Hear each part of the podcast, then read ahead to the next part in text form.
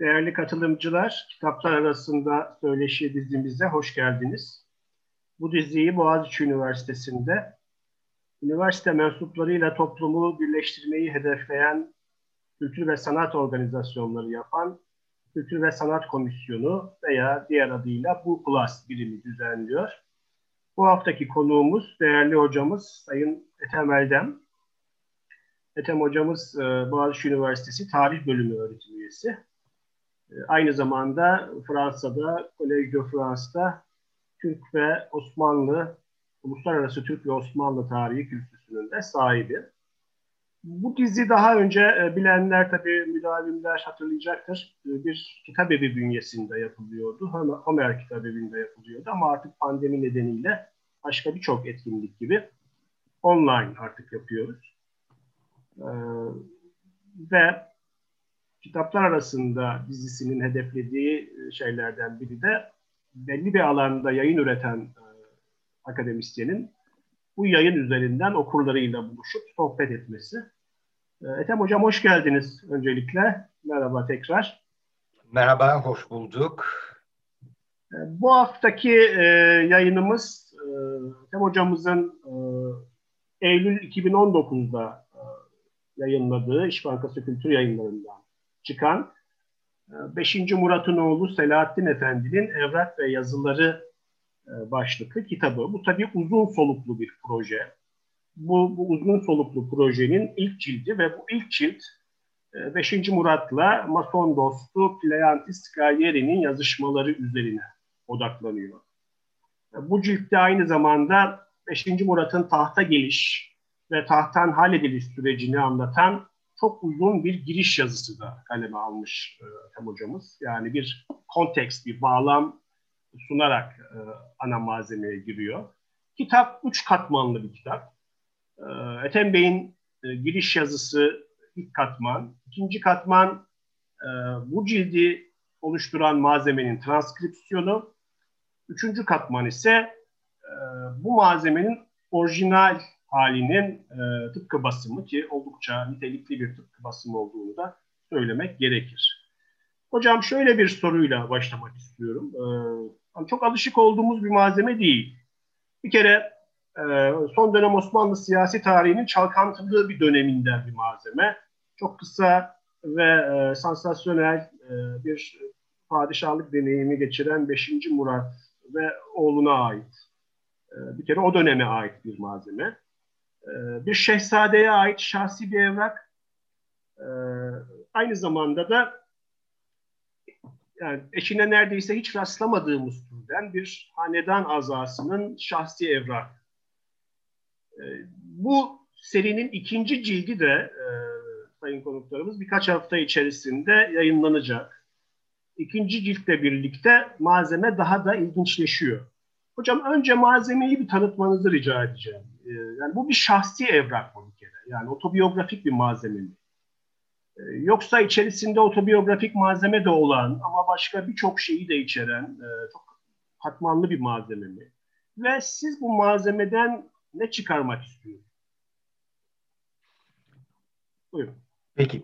Ee, e, teşekkürler Mehmet. Ee, tabii ki ağırlıklı olarak bu bir otobiyografik malzeme. E, malzemenin neredeyse tamamı e, Selahattin Efendi'nin yani 5. Murad'ın oğlu, tek oğlu, e, 1861'de doğmuş olan Selahattin Efendi'nin, Şehzade Selahattin Efendi'nin kaleminden çıkmış. Dolayısıyla birebir bir ego doküman denebilir. Tabii malzemenin bir otobiyografi düzeninde e, kurgulanmış olan kısımları var. Yani kendisi kalemi alıp e, hayatını anlattığı veya bazı anılarını aktardığı veya e, günlük tuttuğu. Dolayısıyla birebir işte benim hayatım dediği şeyler var. Bir de tabii ve birinci cilt biraz onun örneğiydi. E, toparladığı malzemelerden derlediği e, ciltler var. Onun için tabii ki ortasında Selahattin Efendi duruyor. Ee, dolayısıyla onun kimliği, onun zihniyeti, onun düşüncesi, onun e, inançları, onun geçirdiği epey travmatik e, hayat bunun merkezinde yer alıyor. Ama oradan hareket edecek olursak bir sürü alt türden bahsetmek e, mümkün. Aslında isterseniz şey göstereyim e, bir saniye. E, bu konuda yardımcı olabilecek olan e, birkaç imaj gösterebilir. Tabii hocam buyurun. Çok da ilginç olur. E, şimdi bu malzemeyi ilginç kılan ve tabii buna e, geri dönebiliriz. Yani şehzade olması vesaire ve e, saltanat e, hanedan içinde bu tür bir işe girişmiş olan başka kimse olmaması. Yani sürgünden sonra hatıratını yazanlar var ama sürgüne kadar yani e, saltanat e, müddetince e, böyle bir işe girişmiş olan kimse yok. Tabii Selahattin Efendi'nin bu işe girişmesi için iyi bir nedeni var. Bir kere vakti bol e, çünkü hapis hayatı e, yaşıyor. E, biliyorsunuz işte 76'da 3 ay tahtta kaldıktan sonra tahttan indirilen Murat'la beraber bütün ailesiyle, bütün hanedanıyla bir beraber şeye alınıyor. Bir tür göz hapsine yani göz hapsinden çok bir saray hapsine alıyor, alınıyor ve dolayısıyla hani böyle bir şey yazmak bir bakıma herhalde işte bol vakit ve e, belki de çıldırmamak için e, yaptığı bir şey. Onun için hani çok özel bir durumda olduğunu anlamak lazım. Bir de tabii kin dolu. Yani Abdülhamid'in e, babasına büyük bir kötülük ettiğini, babasıyla birlikte bütün hanedanına kötülük ettiğini ve dolayısıyla bunun, bunun yüzünden bir e, hesaplaşmaya girmek istediğini anlıyoruz. E, bu, bu tabii bir leitmotiv olarak e, görülebilir. Bir de malzeme şimdi 76'da 15 yaşındayken bu hapis hayatına giriyor. Malzemenin büyük bir kısmını 1880'lerde yazıyor. Dolayısıyla 20'li yaşlarındayken. Onun için gençliğinin ve biraz da hani saflığının e, verdiği bir heyecanla e, kendini çok ciddiye alıyor. Bu ciddiye alışının çok iyi bir örneği burada gösterdiğim işte e, dokuz ciltlik böyle bir defterler var. E, hepsini aslında basılı kitap taklidi olarak yapıyor ve bir başlık koyuyor, bir e, müellif adı Mehmet Selahattin diyor muharriri olarak, müellifi ve muharriri olarak. Mahalli tahriri yani yazılan yeri diyor Sahil Saray Çırağan, e, alta bir tarih atıyor. Yani bir e, o dönemin tipik bir e, e, kitap sayfasının, başlık sayfasının e, bir kopyasını oluşturuyor bu onun e, gene tipik bir davranışı yani modern bir şehzade olduğu için entelektüel e, e, bir, bir bilgileri olduğu için veya en azından iddia ettiği için bunu bir kitap olarak kurguluyor ve bazen zaten e, kariin okuyucular diye e, okuyuculara şey ettiği, e, hitap ettiği falan da e, görülüyor. Onun için orada bir e, gene bir ben sesi e, kendinden menkul, kendi konuştuğu bir e, ses söz konusu. Onun için asıl malzeme veya en e, tutarlı malzeme diyebileceğiniz bu defterlerden oluşan ve burada sekiz tane e, örneğini gösteriyorum. Her biri genel olarak hame-i müptedi yani e, beceriksiz veya ehliyetsiz e, kalem, e, tipik bir Osmanlı e, yalan tevazu. Hani ben çok gencim, e, aslında elim kalem e, tutmaması gerekir. E, ben sadece böyle bir acemi bir kalemim türünden bir şeyle hame-i müptedi altında bölüm bölüm bunları yazıyor. Bunların içlerine baktığınızda bir tür burada üç tane örneğini verdiğim e, ya otobiyografik yani kendi hayatından e, bir kesit verdiği ya da siyasi diyebileceğiniz türden layihalar, makaleler. Burada en sağda mektep hürriyet diye bir şey var.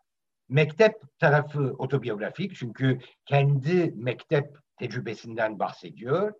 Hürriyet ise daha siyasi. Çünkü e, adamcağızın en büyük derdi hürriyetten nasıl mahrum e, edildiklerini anlatmak. E, unutmamak lazım ki bu 1870'ler, 1880'ler bu yeni Osmanlıların yani bir liberalizmin siyasette istibdada karşı bir başkaldırının ve o retoriğin e, bir dönemi. Bunu çok kullanıyor. Ortada gördüğünüz başlık politikayı hariciye, yani orada da işte siyaset parçalıyor. Yani e, işte dış politika ve dışı hariciyi bazen yurt dışı diye kullanıyor ama çoğunlukla da şey diye kullanıyor saray dışı yani ulaşamadıkları o e, İstanbul e, siyaset alanı e, yıldız vesaire orada çok daha böyle siyasi bir şekilde bir analiz yapmaya çalışıyor. Bir de en soldaki sureti tahsilin bence en ilginçlerinden bir tanesi. Çünkü çok detaylı, çok ayrıntılı bir şekilde nasıl eğitildiğini anlatıyor. Bu da hani bizim en az e, şahit olduğumuz şeyler. Yani her Osmanlı münevveri, her Osmanlı padişahı için e, biyografik kaynaklarda işte şundan ders almıştır, bundan ders almıştır falan diye laflar görürüz. Ama bunlar aslında ete kemiğe bürünemeyen devamlı böyle bir liste halinde olan ve pratik olarak bu ne demektir? Ee, onu bir türlü çözemediğimiz bir şey. Oysa Selahattin Efendi çok ayrıntılı bir şekilde hem hocalarını listeliyor ama hocalarıyla hangi kitapları okuduğunu, hangi kitapların hangi sayfalarını okuduğunu e, anlattığı için hakikaten bir e, otobiyografik bir eğitim tarihi e, çıkıyor ve bu e, son derece de e, ilginç. Hocam müsaade bir ederseniz burada, bir soru sorabilir miyim? Buyurun. Öncelikle konuklarımıza bir hatırlatma yapalım. E, katılımcılarımızın soruları olursa eğer bize sohbet odasından yazabilirsiniz. E, bunları uygun bir zamanda dikkate alıp e, Ethem hocamıza ileteceğiz. E, bu modern bir şehzade tabirini kullandınız. Bunu biraz açmanızı rica edeceğim. Tam olarak ne kastediyorsunuz? bundan. Şimdi yani Ama modernliği... Bununla, bununla bağlantılı hocam affedersiniz. Bununla bağlantılı bu şehzade eğitimi meselesine de biraz temas etmenizi rica edeceğim. Çünkü dediğiniz gibi popüler algıda hani şehzadelerin çok çok e, böyle süzme nitelikli bir eğitim aldığına dair işte bir sürü dönemin ünlü hocaları gelip geçiyor ama yani gerçekten bir Osmanlı şehzadesi nasıl bir eğitim alıyor? Bu konuda aslında bir şeyde dokunur çok da bilgi sahibi olmadığımızı hatırlattınız bize. Bence bu çok önemli. Ee, Selahattin Efendi özelinde hani modern bir şehzade ve bir şehzade nasıl bir eğitim alır? Bu noktaları biraz açarak devam ederseniz hocam. Çok tabii tabii. Ee, şimdi modernliği bir kere bir e, yani çok objektif böyle somut bir kavram olarak kullanmıyorum. Ee, özellikle Selahattin Efendi'ye atfettiğim modernliğin büyük bir kısmı onun kendini modern saymasıyla ilgili. Dolayısıyla ona modern dedim diye birden onu e, müthiş böyle e, aydınlanmış, e, tamamen batılılaşmış veya modernite hayır değil. Ama mühim olan ve zaten hani bu sayfa düzeni bile bence bir şey e, söylüyor. Adam bir modernite inancına sahip ve bunu bir şekilde sergilemek istiyor. Ve tabii işin ilginç tarafı diğer taraftan kendini bir şehzade olarak Osmanlı Hanedanı e, mensubu olarak geleneksel bazı değerlerin özellikle dinin bir koruyucusu olarak görüyor. Dolayısıyla o modernitesi bazen geleneksel e, e, e görevleriyle bir çatışma içine giriyor vesaire ve o zaten meseleyi çok ilginç kılıyor. Dolayısıyla e, şunu kesin anlamak lazım. Yani burada bir şahsiyetten bahsediyoruz ve bu şahsiyetin e, zihniyet dünyasına girmeye çalışıyoruz. Dolayısıyla ister istemez kullandığım tabirler her zaman izafidir, her zaman relatiftir. E, çünkü e, yani e, bu, bu entelektüeller için de geçerli. Yani e, bir Namık Kemal, bir Ali Suavi, bir Mithat Paşa ne kadar moderndir? Yani hepsi için biliyoruz ki bir taraftan moderniteyi özellikle hani tepeden inme moderniteyi bir araç olarak kullanmaya çok meraklılar ve e, bunun en iyi örneği belki e, Hamid'in kendisidir, Abdülhamid'in kendisi. Ama bu onları gerçekten eğer tam bir tarif varsa modern yapıyor mu? Hayır. Yani e, ikisi arasında gidip gelen bir kimlik meselesi var. Dolayısıyla moderniteyi eğer mümkünse tırnak içinde kullanmaya e, çalışıyorum ve bir e, bir e, dünya görüşü, bir zihniyet e, hali olarak ele almak zorundayım. Çünkü bir sürü yerde bunu gösteriyorum. Yani bir taraftan işte modernite derdine düşüyor. Aynı makalede işte Victor Hugo ve Voltaire bu dünyanın en büyük düşünürleridir diyebiliyor. Ama aslında pekala biliyoruz ki ne Victor Hugo'yu, Victor Hugo'yu belki ama Voltaire okumuş değil. Dolayısıyla hani bizim de bugün de e, samimi olduğumuz e, şey aşina olduğumuz türden bir ezbercilik de var. Yani bir e, kolaylığa kaçan ve moderniteyi böyle bir hazırlop bir paket gibi gören bir e, zihniyet söz konusu. Dolayısıyla bunu e, o manada her zaman dikkatli kullanmaya çalışıyorum. Ama en azından moderniteyi bir format olarak alırsak bir şekil olarak alırsak, burada gösterdiğim sayfa düzeni bile dipnot kullanması vesaire bu bir modernite ifadesidir. Çünkü bu Osmanlı geleneğinde laiha yazdığınızda veya risale yazdığınızda kullanmadığınız bir şey. Yani e, orada ilginç bir e, modernite meselesi var. İkinci mesele yani sorduğunuz bu adamın eğitimi nedir? Şimdi açıkçası Selahattin Efendi'nin eğitiminin çok derme çatma olduğunu görüyoruz. Kendi e, anlatmasından. E, çünkü dediğim gibi yani bazı örnekler verdim. Dedim ki şu, şu hocamdan şu kitabın ilk iki sayfasını okuduk diyor. Yani hakikaten çok yüzeysel kalabiliyor. Fakat şunu da takdir etmek lazım ki aptal değil. Şey diyor, e, fikirlerine hakim olmaya çalışıyorum. Unutmayalım genç bir adam 20'lerinde. Çok iyi yazıyor. Çok iyi yazıyor derken yani benim kadar Osmanlı belgeleriyle uğraşan kişiler bilir. Çoğu Osmanlı münevveri demeyelim ama Osmanlı hatalı yazar. Osmanlı yani e, imla konusunda, gramer konusunda, Arapça veya Farsça kullanımı konusunda falan. E, Selahattin Efendi epey düzgün yazıyor. Yani çok nadiren ve genellikle çalak kalem yazdığı için, acele ettiği için e, şey edilebilecek, e, izah edilebilecek hatalar e, yapabiliyor.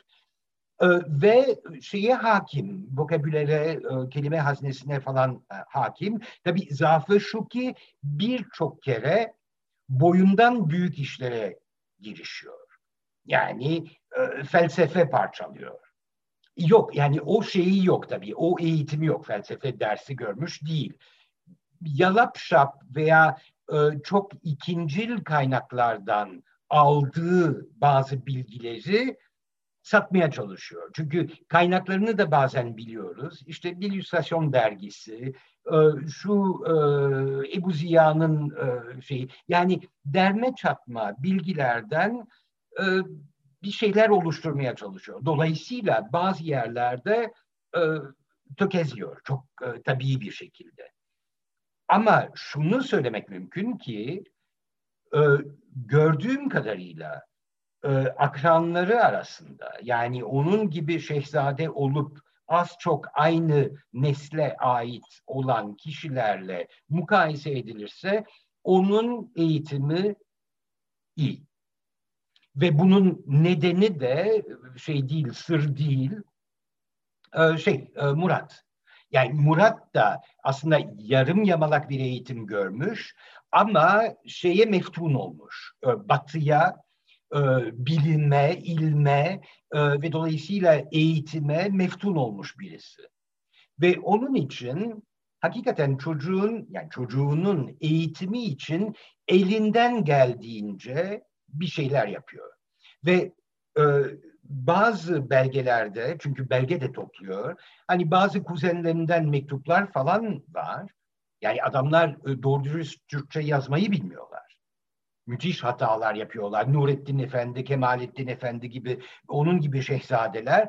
Ve oradan anlaşılıyor ki hakikaten şehzadelerin pek iyi bir eğitim almadığı, Selahattin Efendi'nin babası sayesinde ve muhtemelen kapalı kaldığı ve kendi kendini yetiştirmek iste, ihtiyacı duyduğu için onlardan biraz ayrıldığı, biraz sıyrıldığı ve dolayısıyla hani bir tür istisna oluştur, oluşturduğunu e, galiba söylemek e, mümkün.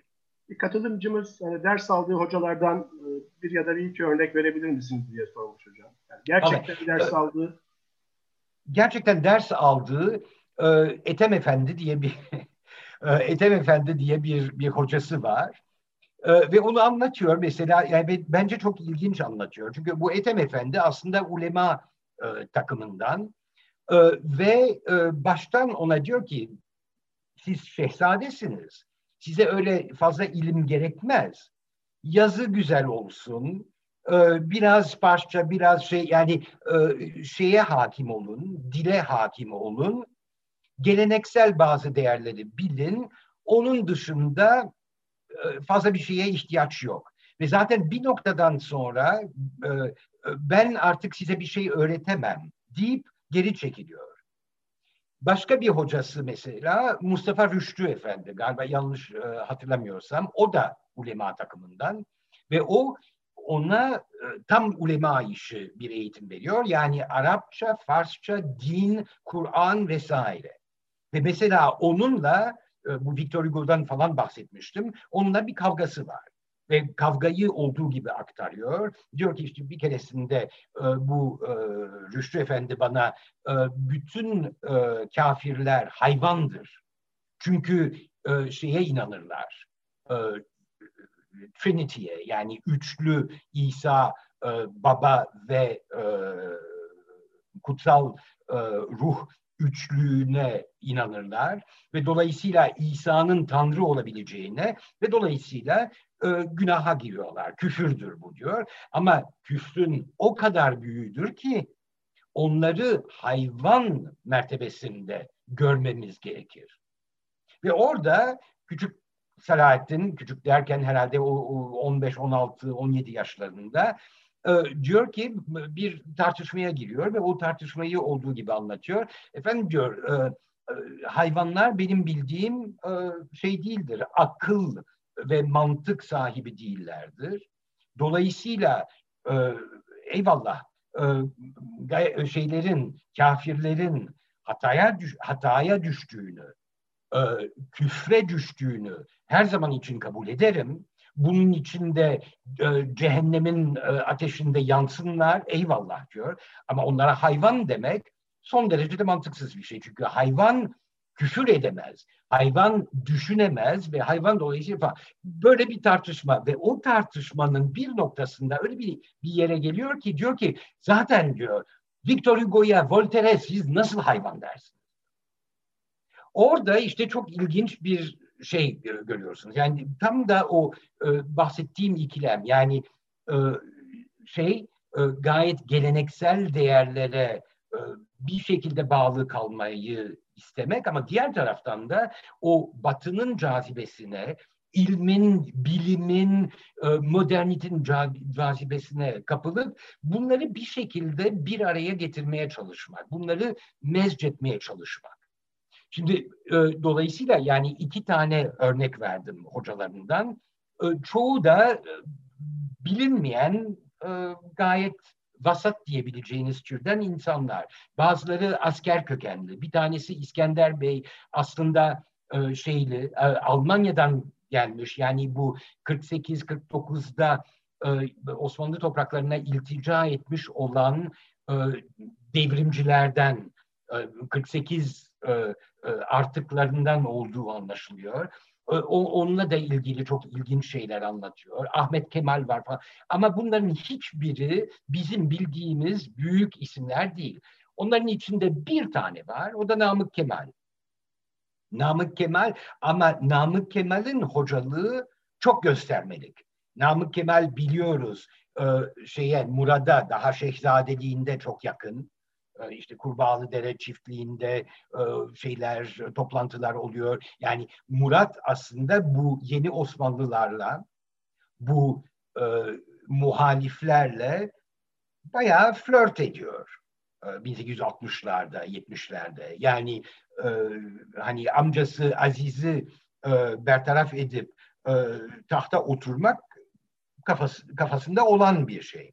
Ve bunu şey eden, e, teşvik eden bir sürü insan var etrafında. Siyah paşalar vesaire. Ama bir tanesi de Namık Kemal. Ve dolayısıyla e, şey ettiği zaman belirli bir yere geldikten sonra Namık Kemal'i bir kere İstanbul'a geri çağırıyor ve hocasına ve e, oğluna hoca tayin ediyor. Ama görüyoruz çünkü sureti tahsilimde çok detaylı bir şekilde şey diyor, anlatıyor.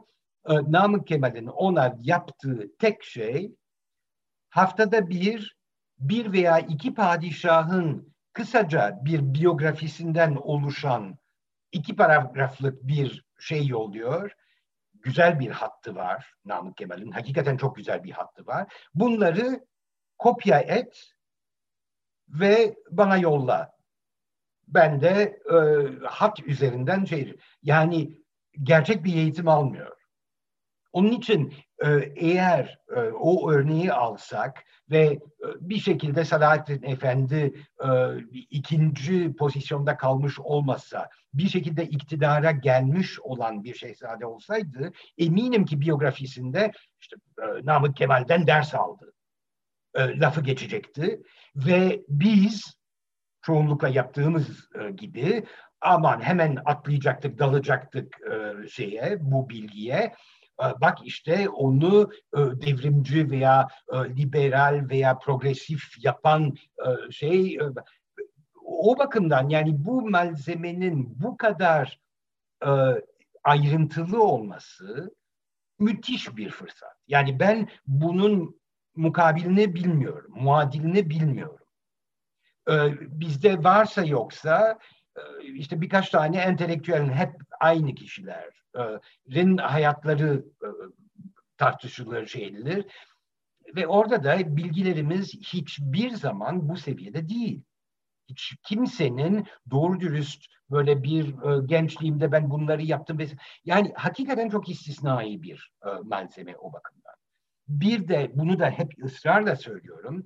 Haklısınız. Bu şehzadedir. İstisnai bir kişiliktir. Doğru.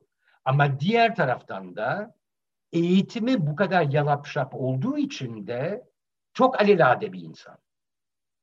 Ve bu benim için çok önemli. Çünkü e, yani e, tarihte istisnai kişiler üzerinden bir e, e, analiz yapmak çok problemli. Yani Osmanlı İmparatorluğu'nun e, Müslüman toplumunu, Müslüman orta sınıfını, İstanbullu Müslümanları Namık Kemal veya e, Ziya Paşa veya e, Fatma Aliye gibi istisnai kişiler üzerinden okumaya çalışırsak bir yere varamayız. Çünkü gerçekçi değil. Oysa bir dereceye kadar bu istisnai konumlu kişi aslında zihniyeti, e, kafa yapısı, aldığı eğitim vesaire açısından e, ortalamaya çok daha yakın. Dolayısıyla o benim için çok önemli bir şey. Aleladelik tarihi her zaman çok daha zordur. Hep istisnalar tarihi yapıyoruz. Burada e, yazma nedenleri üzerine biraz daha durabilir misiniz? Mesela birinci ciltte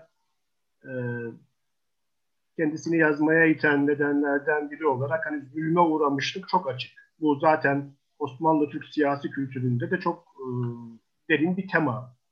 Ama öte yandan hani biraz önce hani kendini fazla ciddiye alan birisi olduğu tabirini kullandınız. E, mesela yazdıklarını bir gün birinin okuyacağını düşünüyor mu? Yani kendisi için mi yazıyor mesela öncelikli olarak? bu açıdan hani yazma e, bu tırnak içinde sıradan insan için bir varoluş uğraşına mı dönüşüyor?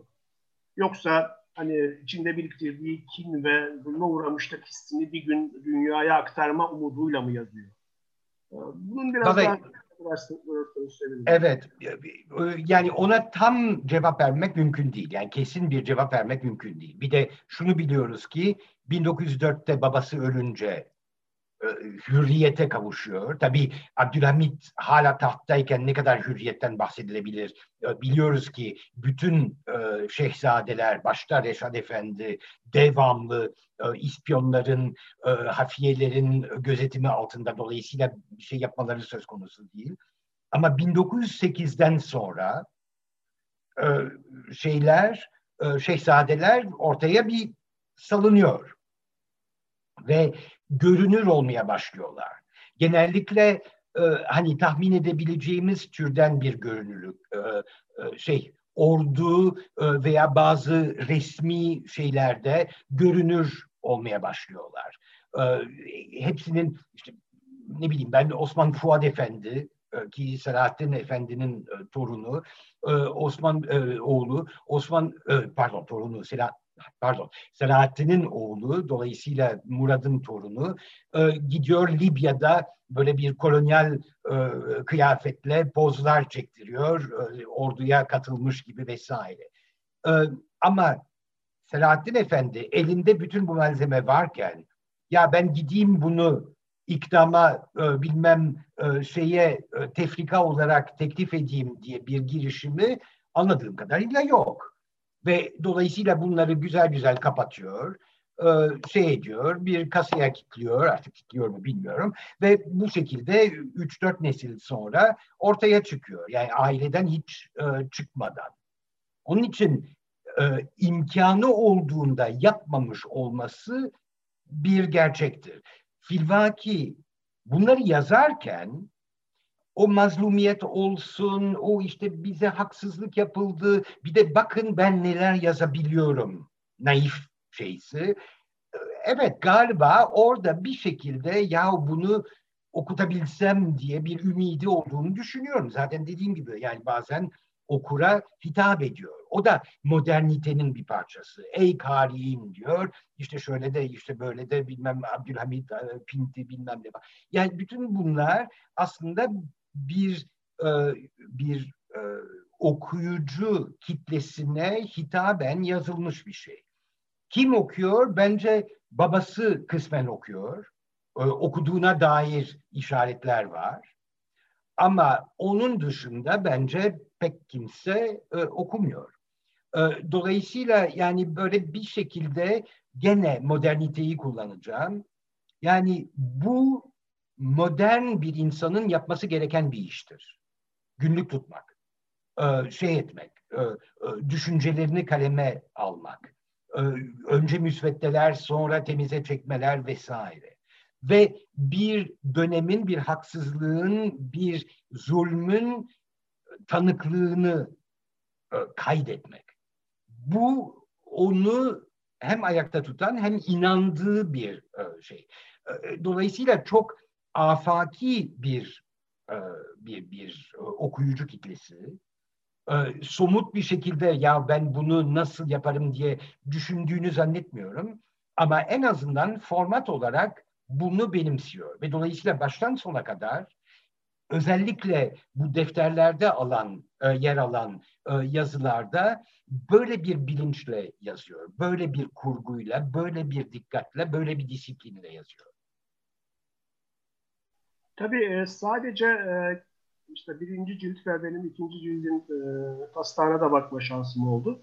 Tabii sadece kendisi de yazmıyor. Aynı zamanda başkalarının mektubu, yazıları vesaireyi de topluyor. tiyatro denemeleri var, şiir denemeleri var. tam olarak bu malzemenin içinde neler var hocam? Yani Selahattin Efendi'nin kendi sesinin yanı sıra başka neler var ve bunlardan bize ne gibi önemli ipuçları gelecek?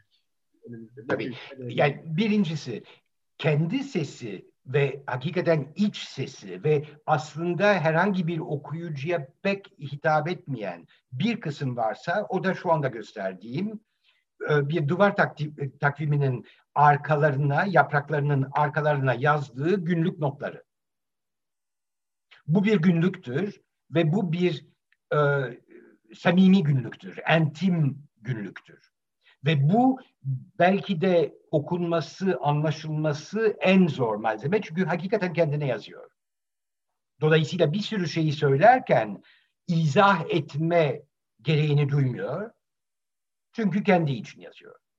Bu bir e, kategori. Bir de sizin pardon, sizin dediğiniz e, gibi bir saniye şeyleri bulayım. Her şey karıştı ama e, e, bir de belgeci tarihçi rolüne de e, soyunuyor. Bunun bir örneğini işte bir önceki ciltte gördük. Yani Cleantis Gallieri ile babası arasındaki mektuplaşmayı hiç yorumlamadan veya dipnotlarda yorumlayarak olduğu gibi e, transkripsiyona tabi tutuyor. Yani belgecilik yapıyor. Bir katiplik gibi bir şey yapıyor. E, ve burada gördüğünüz gibi işte e, numaralıyor, e, belirli bir tasnife tabi tutuyor, kronolojik bir tasnife vesaire. Dolayısıyla orada bir nevi tarihçilik yapıyor. Hatta bizim pek alışık olduğumuz bir tarihçilik. Yani sadece belge verip e, alın size hikayenin özü türünden.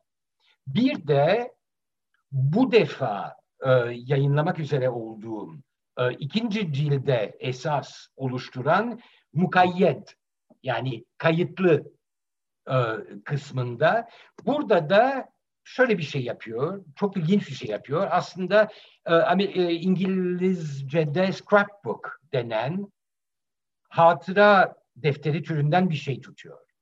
E, scrapbook çünkü gidip orijinal belgeler, burada görüyorsunuz işte babasının kendisine veya başkalarına yazmış olduğu mektuplar, onları kesip yapıştırıyor defterine.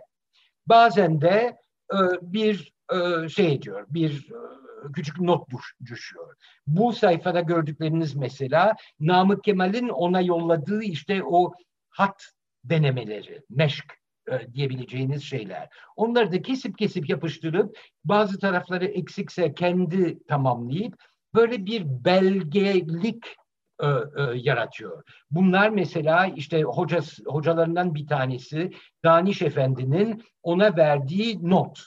Tabii şaşırmıyoruz. Tam not almış. Yani şehzadeye nasıl not verirsiniz? E, AA plus yani e, şey yok. E, o notlar tabii o bir ama bunları tutmuş bir şekilde ve artık bunlar da bir şekilde tarihe mal olmuş şeyler. Benim e, tarihim ama aynı zamanda e, babamın tarihi diye bunları e, kesip yapıştırıp belge halinde e, şey diyor, e, defterlerine e, yapıştırıyor.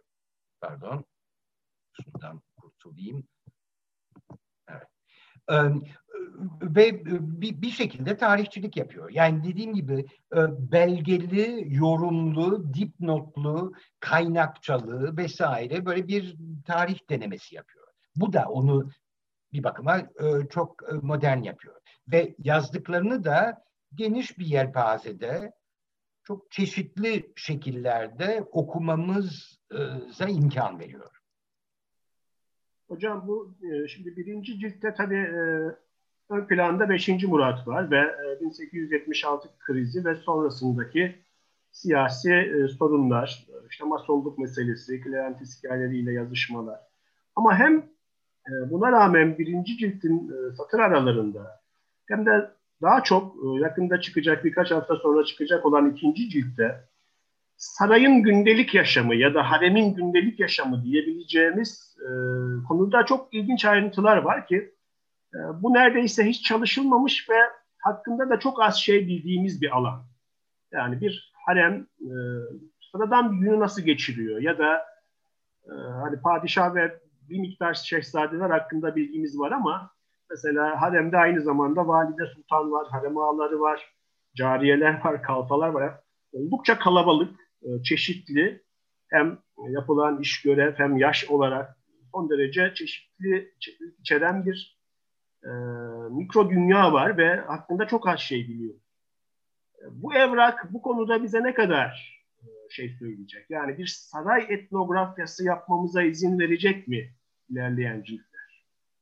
Ki zannediyorum yani, bu tarafını oldukça önemsiyorsunuz zaten. Bir önceki söyleşimizde de bunun altını özellikle çizmiştiniz. Yani ilerleyen ciltlerde e, odak noktası siyasi tarihten biraz oraya mı kayacak artık? Şimdi bu ilerleyen ciltler dediğinizde şunu söylemem lazım. Şimdi bir tarihçi için en zor şey bu kadar özgün bir malzemeyi e, yayına hazırlamak. E, yani malzemenin zorluğundan değil. Çünkü bir taraftan aslında nötr bir şekilde okuyucuya ve olası tarihçilere sunmanız gerekiyor. Ama elinizde değil yorumluyorsunuz. Onun için yani biraz ağırdan gitmemin bir nedeni de o. Ben sadece bunları yayınlasam, sadece transkripsiyon versem ve yanında e, şeyi versem, e, nedir adı, e, tıpkı basımını, faksimilesini versem, bu iş çok daha çabuk gidecek. Oysa her defasında ben de dalıyorum ve kendi kendime e, yorumlamaya başlıyorum. Dolayısıyla ileride çıkacak olan konular bana sorarsanız sonsuz. Çünkü yani bazıları e, bu, bu malzemeden özellikle mesela e, şeyinden e, günlüğünden hareketle ne bileyim ben bir meteoroloji tarihi bile yazabilirler. Çünkü adam her sabah havayı şey diyor, lodosu yazıyor, bilmem neyi yazıyor. Bu şimdi benim derdim değil. Dolayısıyla onu ben sokmayacağım. Ben tabii ki kendi kafamda benim zaten ilgi alanıma e, e, rastlayan konuların üzerine gidiyorum. E, dolayısıyla yani onu vurgulamak istiyorum. Yani benim e, girişlerde veya ilk kısımlarda ele aldıklarım her şey değil, benim önemli gördüklerim.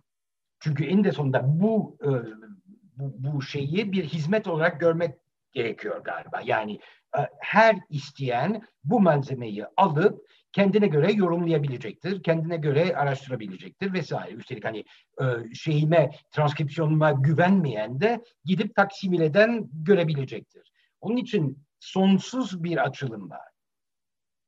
Ama şey konusunda haklısınız. Yani benim en çok ilgilendiğim konulardan bir tanesi saray antropolojisi deyin, harem antropolojisi. Yani bizim çok çok çok eksik kalmış olan bir alanımız. Niye? Çünkü harem eninde sonunda kadınlar dünyası, kadınların büyük ölçüde yönettiği ama iz bırakmadıkları, bizim anladığımız şekliyle iz bırakmadıkları bir dünya. Çünkü kayıt tutmuyorlar.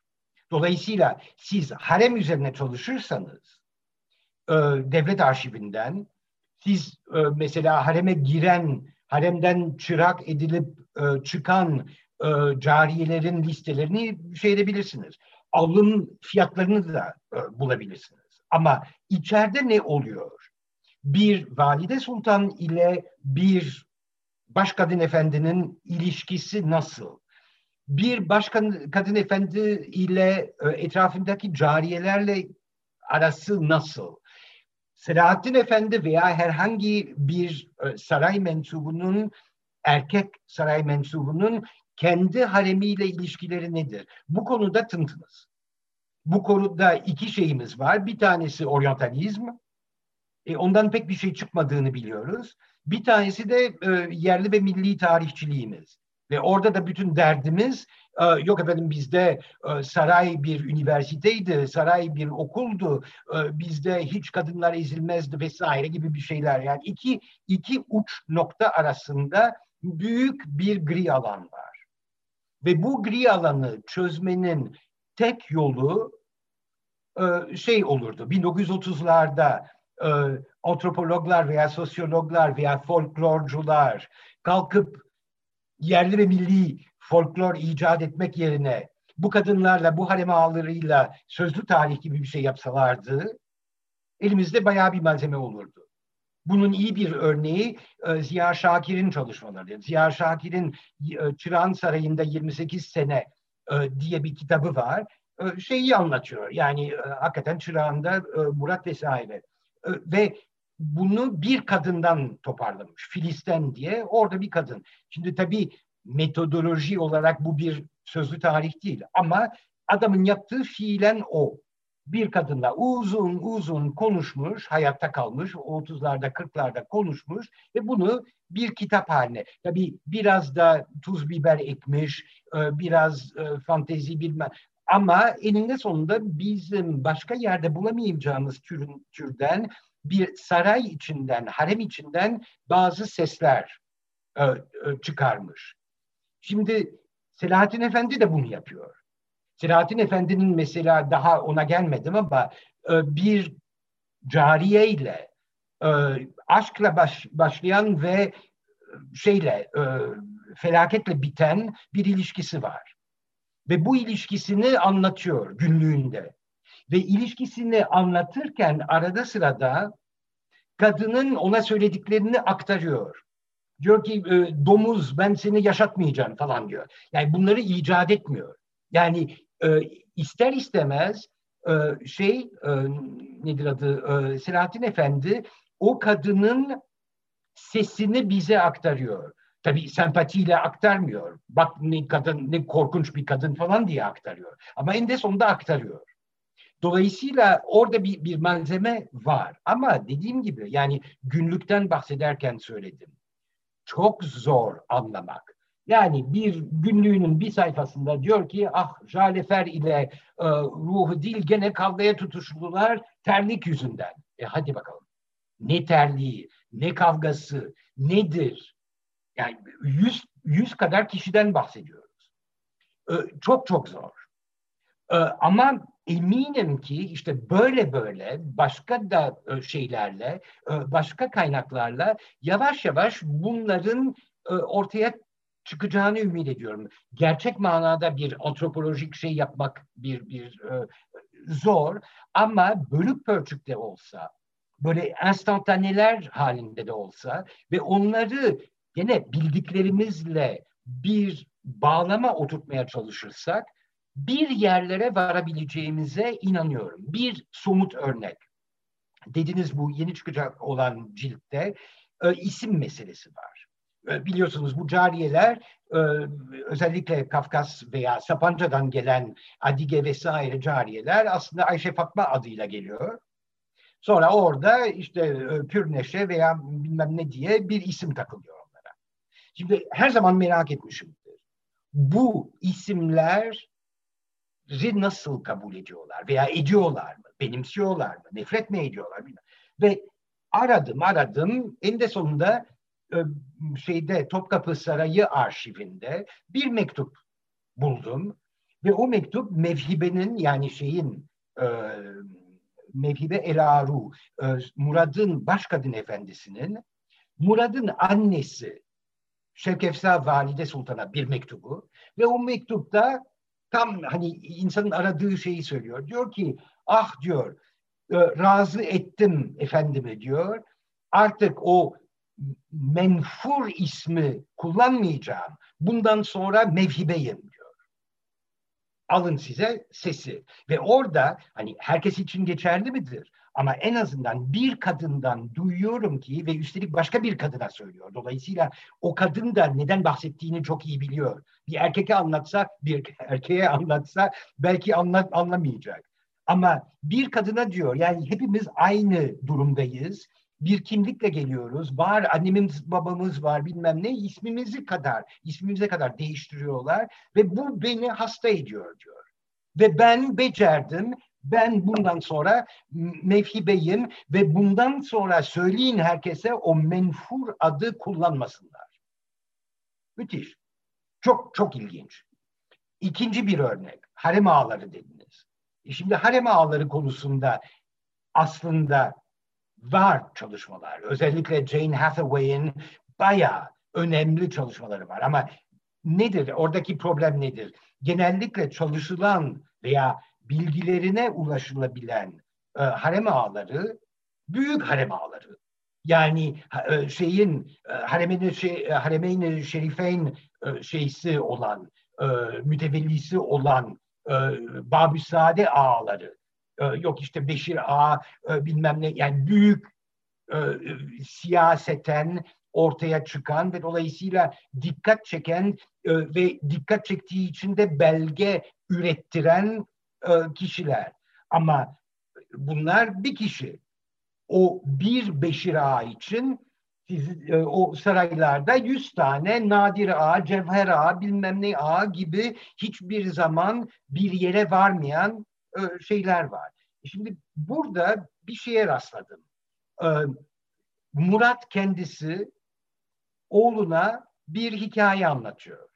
Bir anısını anlatıyor. Daha doğrusu bir rivayeti anlatıyor. Diyor ki Mahmud'un zamanında yani kendi dedesi Abdülmecid'in de babası. Yani herhalde 1810'lar veya en fazla 1820'lerden bahsediyor. Diyor ki o zamanlar bir e, harem ağası vardı. O harem ağasının bir çok sevgili bir uşağı vardı. Ve bu uşağı adeta öyle diyor iç donu gibiydi. Oradan anlaşılıyor ki bir ilişki var.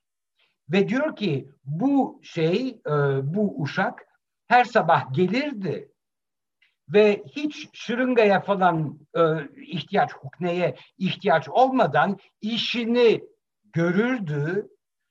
Harem ağası da pek memnun kalırdı. Tamam yani bütün cinsel şeyi anladık yani birebir söylemese bile. Ama diyor bir gün odaya destursuz girmiş. Yani izin almadan. Bunun üzerine harem ağası ona demiş ki e, Hula niye destursuz giriyorsun? Yani bu arada da hani biraz Evliya Çelebi gibi e, e, harem ağasının konuşmasını taklit ediyor Murat. O da çok ilginç. Ula niye? Ondan sonra öbürü de demiş ki Aa, pardon yani pardon demiyor tabii e, e, affedersiniz bilmem ne bir daha yapmam bir, daha yok yok diyor e, harem ağası yap yap da desturla e, gir diyor. Fıkra gibi bir şey. Ama bir, e, saray kültürü e, böyle rivayetler, böyle e, hikayeler dolaşıyor. Eninde sonunda kapalı bir kutu. Ve orada işte benim bildiğim, hatırladığım bir harem ağasının şöylesi, böylesi bilmem ne bunlar sirküle eden hikayeler. Ve bu da e, antropolojinin bir parçası. Ama asıl zorlandığım şey şu. E, burada e, harem ağasıyla uşağı arasında bir e, eşcinsel ilişki söz konusu. Şimdi bütün literatüre bakıyorsunuz harem ağlarıyla ilgili. Eşcinsellik hiçbir şekilde yok. Yok. Niye yok? Çünkü kimsenin umurunda değil. Yani varsa yoksa harem ağlarının cinselliğinde varsa yoksa tek bir dert var. O da acaba hala kadınlara sataşacak, musallat olacak bir şeyleri kaldı mı? Bu. Niye? Çünkü zihniyeti o. Erkek yazıyor. Ve dolayısıyla bütün nereye baksanız Jane Hathaway'e bakın, Ehud Toledano'ya bakın, 18. yüzyıldaki böyle harem ağlarına karşı böyle zehir zemberek raihalara bakın. Bütün mesele bunun etrafında toplanıyor. Aman efendim bu e, şeyler, e, bu harem ağları aslında e, ne denir? Hani ağılda kurt mu? Yani e, koyun ağılında kurt mu? Yani biz farkında olmadan. Çünkü adamların tek derdi o. Aman kadınlarımıza bir şey olmasın. Dolayısıyla adamlar eşcinsel olmuş. E, uşaklarıyla şey hiç kimsenin umurunda değil ve dolayısıyla izi kalmıyor. E, bu bile e, şimdi buradan e, bir soru sormak gerekiyor. Ve bu bir kazançtır. Yani yahu bu kadar üstelik hani ilgiş edilmiş dolayısıyla cinselliğiyle oynanmış olan erkeklerin hem cinsleriyle olabilecek ilişkileriyle şimdiye kadar niye ilgilenilmedi ve acaba bunun boyutu nedir diye bir soru sorulmaması bile çok ciddi bir problem ve hep söylerim yani e, tarih asıl soru sormakla ilgili. Yani o soruyu bir kere sordunuz mu arkası gelir. başka sorular gelir, başka e, meraklar gelir ve uzun vadede e, belki bazı cevaplar gelir. Onun için bu iki örneği çok somut örnekler e, olarak işte bu saray antropolojisi. Tabii ki yani sarayın e, iç dünyasını çözemeyiz. Bitti o. Yani e, onun vesikaları çok e, sınırlı vesaire. Ama iyi sorularla ve kritik bir okumayla ve böyle böyle yeni kaynakları e, e, şey etmekle kullanarak bir yerlere varabileceğimize kesinlikle inanıyorum tabii ki. Peki hocam Selahattin Efendi'nin e, modernitesi tırnak içinde kadınlara bakışına ne kadar yansıyor? Yani orada bahsettiğiniz o paradoksu mu görüyoruz? Yani bir taraftan gelenekselliği devam ettirmek zorunda olan bir e, sülale var karşımızda. Onu e, Batı modernitesiyle medzetmeye çalışıyorlar. E, o harmanlamayı mı görüyoruz kadınlara bakışta yoksa orada gene o eski geleneksel kabuğuna bir çekilmeyi mi görüyoruz? Sonuçta hani bir erkek anlatısı üzerinden kadınlara bakmanın burada kısıtlaması hep e, şeyimize etki edecek. E, konuda ne düşünüyorsunuz? Vallahi yani şöyle diyeyim bir kere yani Türkiye'nin bugünkü haline baktığınızda bundan 150 sene önce işlerin çok daha iyi olmasını beklemek ne kadar gerçekçi? Yani bir. İkincisi evet e, modernitenin sınırları var. Yani modernite e, neredeyse faydacı, utiliter ve yüzeyde bir modernite. Gene bir örnek bu bahsettiğim harem ağası hikayesini babası anlatırken bunu hoş bir latife diye anlatıyor. Ve belli ki babası ne de olsa 1840 doğumlu babası bunu e, ya bu e, sarayın normal halidir vesaire diye anlatıyor. Oğul buna bir yorum yazdığında ilk söylediği şey babam diyor böyle şeylerden nefret eder. Hatta idiosankrasi denir diyor bu tür e, şeye e, tabiata aykırı davranışlardan her zaman nefret etmiştir. Halbuki baba hiç öyle bir şey demiyor. Yani oradan anlıyorsunuz ki bir kere e, Selahattin 61 doğumlu o hani çok bahsedilen Osmanlıların modernlikle beraber heteronormatif bir bir, bir sisteme girişlerinin çok bariz bir bir örneği var. Yani artık böyle e, canım o eşcinsellik normaldir şeyin yok. O onu reddetmeye çalışıyor ve babasının bundan lekeleneceğini düşünerek gene de babasının şeyini olduğu gibi veriyor. Ama kendisi bir yorumda bunu. Dolayısıyla orada bir modernite var. Ama modernite tam da e, geleneksel e, açık, kucaklayıcı e, e, geleneksel e, şeyden, kültürden çok daha sert ve kapatıcı ve ötekileştirici bir moderniteye gittiğini görüyoruz. Bu bir. İkincisi, kadınlara davranışı felaket. Yani e, kadınlara e, hiçbir zaman ses vermiyor. Onları tabii karısı öldüğünde, çocuğu öldüğünde her türlü yas vesaire şeysi var ama kadınlara e, birer agent, e, agency'si olan meşru birer aktör olarak e, baktığını gösteren pek bir işaret yok. Bu tabii cariyelerde iyice şey diyor. Yani birkaç yerde e, elimden kurtardılar da ölmedi diyor mesela bir tanesi için. Demek ki fiziki şiddet de kullanıyor. Bir de ilginç bir hikaye var. Gene e, bir e, şey bir e, e cariye e, ve bu cariyenin kız çocuğu e, mevcut kendi sarayları, kendi hanedanlarında ve bir şekilde Abdülhamid bu kız çocuğunu alıyor onlardan ve Yıldız'a götürüyor. Allem ediyor, kallem ediyor ve yazıyor bunları. Bu ne kadar vahşicedir anayı çocuktan e, ayırmak vesaire ki bu geleneksel bir görüştür. Yani e, şey vardır, kölelik vardır ama hani anneyi çocuktan belki o kadar şey etmemeye çalışır.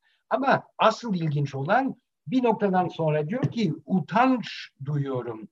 Ee, ortak dedemizin Abdülmecid'in ilan ettiği tanzimatın zamanında hürriyete böyle bir darbe, hele mal hürriyetine. E orada birden anlıyorsunuz ki adamın derdi yani o o küçük kızı bir mal olarak görüyor. Tabii ki o malı vakti geldiğinde bir e, insan olarak görebilecektir. Yani insani bir boyut tabii ki var. Ama e, deştiğinizde eninde sonunda o çok geleneksel e, değerler hemen hortlayabiliyor. Dolayısıyla bir e, esir, bir e, şey, e, bir e, köle maldır. Bir kölenin bizden alınması e, onun e, insani olarak hissettikleri e, bir, bir tarafa onlar zaten ilgilenmiyorlar. Asıl mesele bize yapılmış bir e, hakarettir ve bizim haklarımızı çiğnemektir. Ne hakları? E, şey mülkiyet haklarımız. Dolayısıyla alın size modernite. Yani bir taraftan moderniteyi e, şey diyor çünkü e, tanzimatı bir referans olarak kullanıyor ve bunu bilinçli olarak kullanıyor çünkü biliyor ki tanzimat aslında rafa kalktı e, Hamit'le. Ama diğer taraftan da çok geleneksel bir şekilde o küçük kızı bir meşru bir mal, bir şey olarak görüyor. Hocam e, benim son bir sorum olacak. Daha sonra katılımcılarımızın sorularına e, döneceğiz. Bayağı bir soru da birikti. Ben tekrar siyasi tarihe e, biraz dönmek istiyorum. İlk ciltte tabii Abdülhamit'le e, yaşanan rekabet daha sonra uğranılan e, zulüm e, literatürü beslenen kin bu çok ön planda.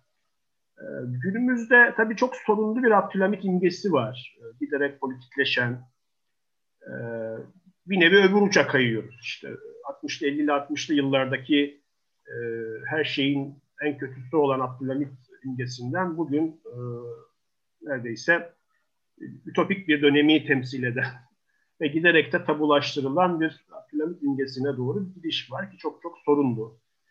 E, bu birinci cilt Selahattin Efendi'nin evrakı e, tarih araştırma, araştırmacılarına ve tabii genel olarak genel okura daha soğukkanlı bir ikinci Abdülhamit imgesi e, bulmalarına nasıl yardımcı olabilir? Yani o konuda e, buradan ne tür bir yardım alabilir araştırmacılar ve okul? Yani bu iki uç ve ikisi de aynı derecede sorunlu olan Abdülhamit imgesi arasında daha e, ilmi diyebileceğimiz ya da daha soğukkanlı diyebileceğimiz bir Abdülhamit imgesi çıkar mı bu malzemede? Vallahi e, açıkçası yani Abdülhamit gibi bir kişi değil. Yani tahta oturmuş bir padişahın ilmi bir portresini çizmek için buna ihtiyaç yok. Yani e, biraz aklı başında olan herhangi bir tarihçi mevcut olan literatür artı arşivlerden artı basından e, ciddi bir şekilde yararlanarak pekala e, gayet sağlam bir portre çıkarır ve temin ederim o portre bugün güzellemeler dizilen, e, düzülen e, Abdülhamit olmayacaktır. Şey de olmayacaktır tabii ki e, nedir adı e, işte Kızıl Sultan bilmem ne gibi bir karikatür türünden bir şey olmayacaktır. Abdülhamid'in aslında şeye çok benzeyen tarafları var. E, Selahattin Efendi'ye. Eninde sonunda aynı neslin, aynı ortamın e, insanları. Yani moderniteyi daha çok araç olarak gören, e, yüzeyde gören e, ve e, şey derinlemesine bazı geleneksel şeyleri, e, değerleri korumaya çalışan kişiler. Onun için hani hep sorulan soru Murat tahta kalabilseydi eğer hakikaten müthiş bir liberal bir padişah vesaire zannetmiyorum. Zannetmiyorum ama muhtemelen tanzimat daha uzun e, devam ederdi ve en azından e, Abdülhamid'in getirdiği türden otokratik bir rejime belki gidilmezdi. E, çünkü parlamentarizme buna razı olan bir padişah ile geçilirdi ve galiba biraz değişirdi işler. Onun için yani bu malzemeden hareketle hele ki e, anlaşılır nedenlerle e, Selahattin Efendi Abdülhamit'ten nefret ediyor. Dolayısıyla yani e, Selahattin Efendi'yi tanık olarak alacaksanız yani Abdülhamit iyice batacak.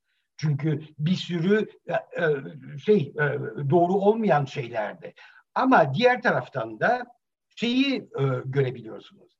Rivayetler nasıl dolaşıyor? İşte Abdülhamit aslında kara sevdaya tutulmuş diyorlar. Üç güne kadar ölür bilmem ne e, şey e, yok Ayvan Sarayı tazısı gibi tazısına benzedi. Yani bir deri bir kere kaldı gibi şeyler. Bunlar hani popüler kültür demeyeyim ama hani rivayet denen ve özellikle bu kadar kapalı dönemlerde, bu kadar sansüre tabi dönemlerde e, bilginin, rivayetin, fake news'un da gerçek news'un da nasıl e, e, tedavül ettiğini e, buradan görmek e, mümkün. O, o bakımdan ilginç. Onun için e, ben hala yani tabii ki e, geçen ciltte bu e, masonluk meselesi, özellikle Kleantis Kalyeri ile Murad'ın e, mektuplaşmaları hiç bilinmediği için, e, bu tabii bir politik tarihe bir katkıdır.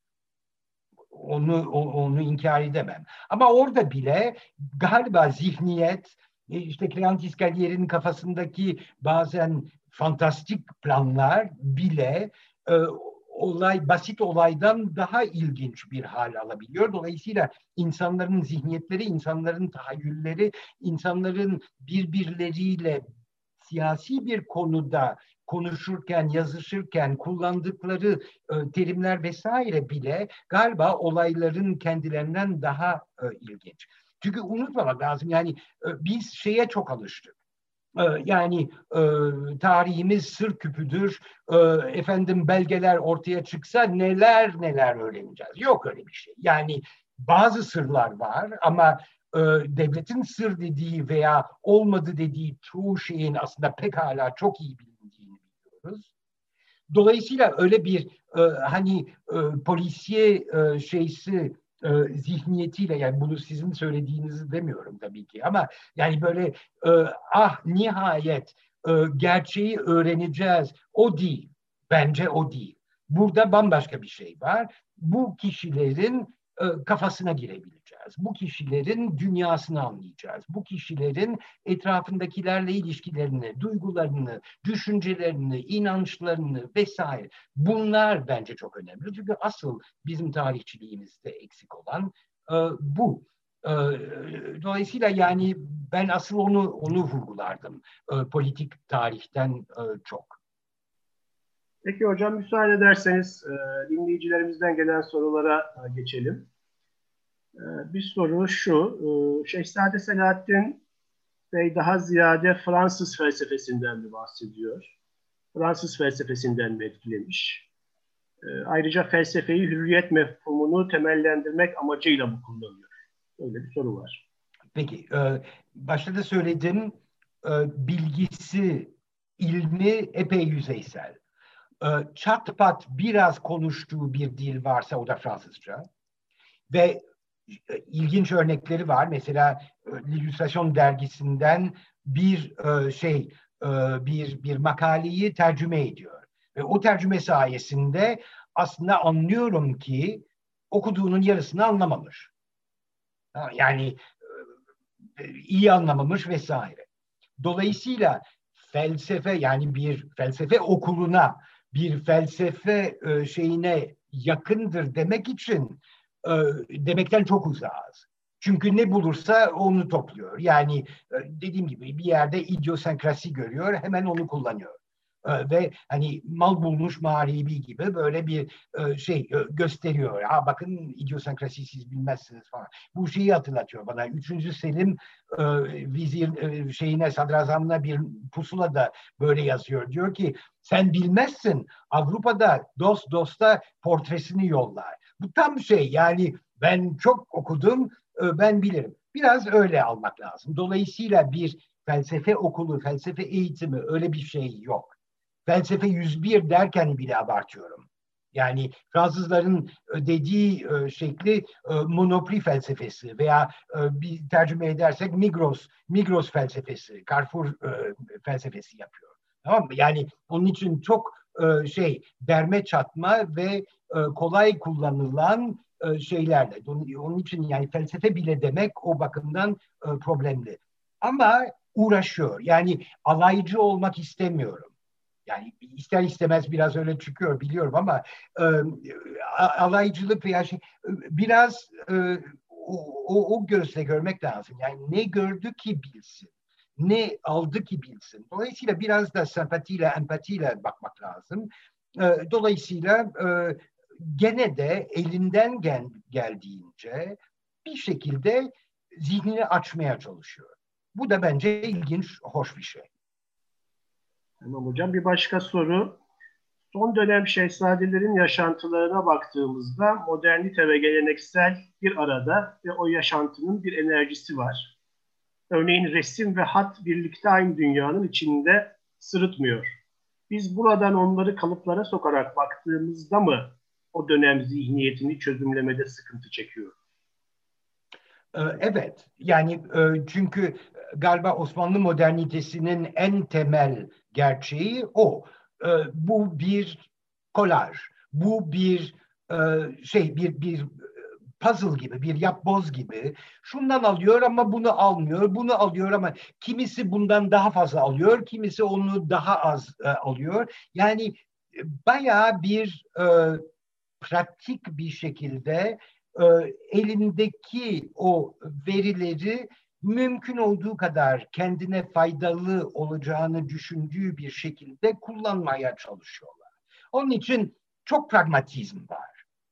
Yani bana sorarsanız şeyde bile bulursunuz. Yani hani o üstün e, münevverler, e, Namık Kemal'de bilmem ne onlar da bazen çok kof kalıyorlar.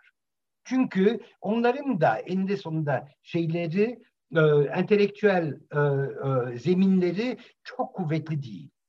Veya bölük pörçük bir tarafa daha fazla şey etmiş veya ideoloji baskın çıkmış, öbür tarafı köreltmiş vesaire. Onun için e, şehzadelerde asıl problem şu ki pek bir şey bilmiyoruz. Yani e, Selahattin Efendi ile ilgili ilgili olduk e, olanları yeni yeni öğreniyoruz.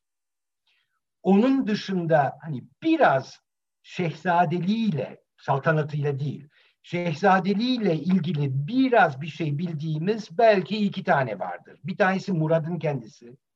Çünkü işte masonluktu bilmem neydi e, çok ilgi duyuldu. Onun için onun böyle kabaca bir portresi var. Batıya e, meftun vesaire ki yalan da değil bir e, şehzade. Bir de Abdülmecit var.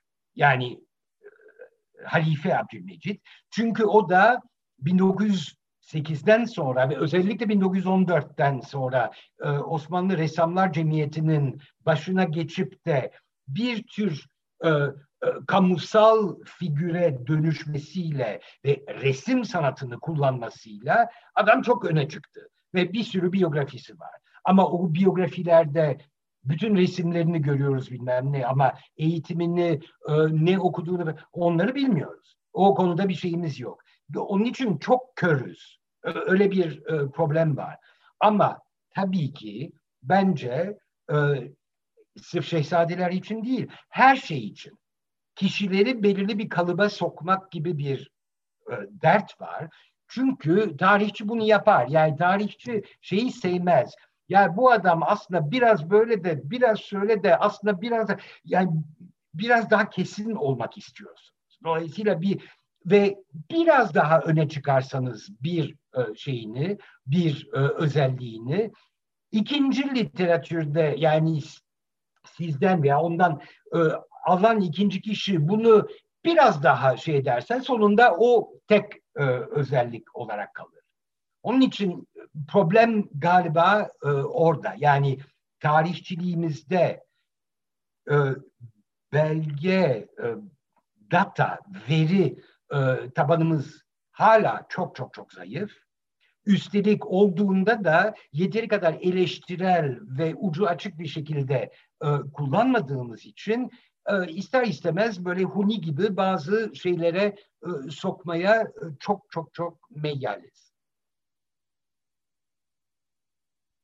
Peki hocam bir başka dinleyicimiz bu malzeme ağırlıklı olarak bir tanıklık mı yoksa bir serzeniş bilimi var diye sormuş. Aslında bunu konuşmanızda buna değindiniz aslında. Belki kısaca tekrar değinmek istersiniz. İkisi de yani e, tabii ki e, kendisi bunu bir serzeniş olarak düşünüyor ama bizim Abdülhamid'i e, kötülemek için ve Abdülhamid'in bir otokrat olduğunu söylemek için buna ihtiyacımız yoktu.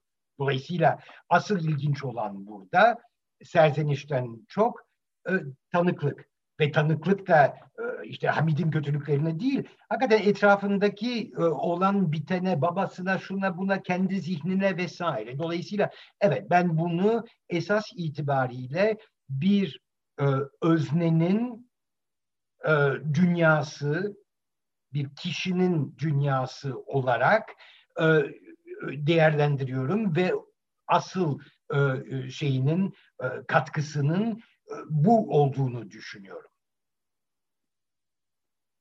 Peki hocam bir başka dinleyicimiz ise tefrika ettirmediği halde Selahattin Efendi'nin yazdıkları hakkında bir şeyler yazmaya nasıl ve neden karar verdiniz diye sormuş size.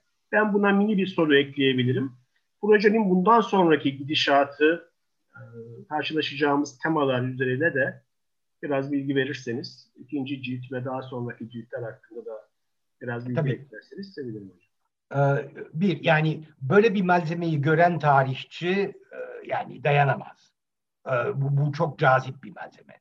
Ee, hamaliyesi çok olan bayağı bir uğraşmak lazım ve dediğim gibi her şey ilginç değil. Onun için yani bir ilginç pasaj için kaç sayfa safsata da e, şey ediyorsunuz. Ama ben başından beri şey prensibini e, bir kere e, ortaya koydum. Yani e, kesme, biçme, e, seçme yok. Olduğu gibi hepsi. İş Bankası da bunu bu şekilde kabul etti. Dolayısıyla artık ben de kendimi bağladım, onlar da kendilerini bağladılar. Dolayısıyla bütün malzeme teker teker çıkacak. Ee, uzun vadede düşünmek lazım. Zaten yani itiraf etmeliyim yani e, bu malzemeyle ilk tanışmam herhalde 20 sene öncesine dayanıyor. E, yani e, öyle yani yapamıyorsunuz, edemiyorsunuz. E, belki de iyi oldu çünkü bu şartlar altında yapamazdım vesaire. Neyse ne. E, onun için çok zaman alıyor. E, tek yaptığım iş de o değil. Ama artık bunu bir e, muntazam bir rayına sokmak istiyorum en büyük problemlerden birini e, söyledim. E, tarihçi dayanamıyor, e, yazıyor da yazıyor, yorumluyor da yorumluyor. Böyle olunca nerede bitireceksiniz bilmem ne yani şey. Onun için bir şekilde o yorumları bir kere biraz azaltmam lazım. Ve bu mümkün çünkü eninde sonunda siz söylediniz birinci ciltte hani e, Murad'ın tahta çıkışı, tahttan indirilişi vesaire yani bağlam açısından bir sürü hikayeyi orada artık anlattım. Her e, ciltte bunu tekrar anlatmama gerek yok.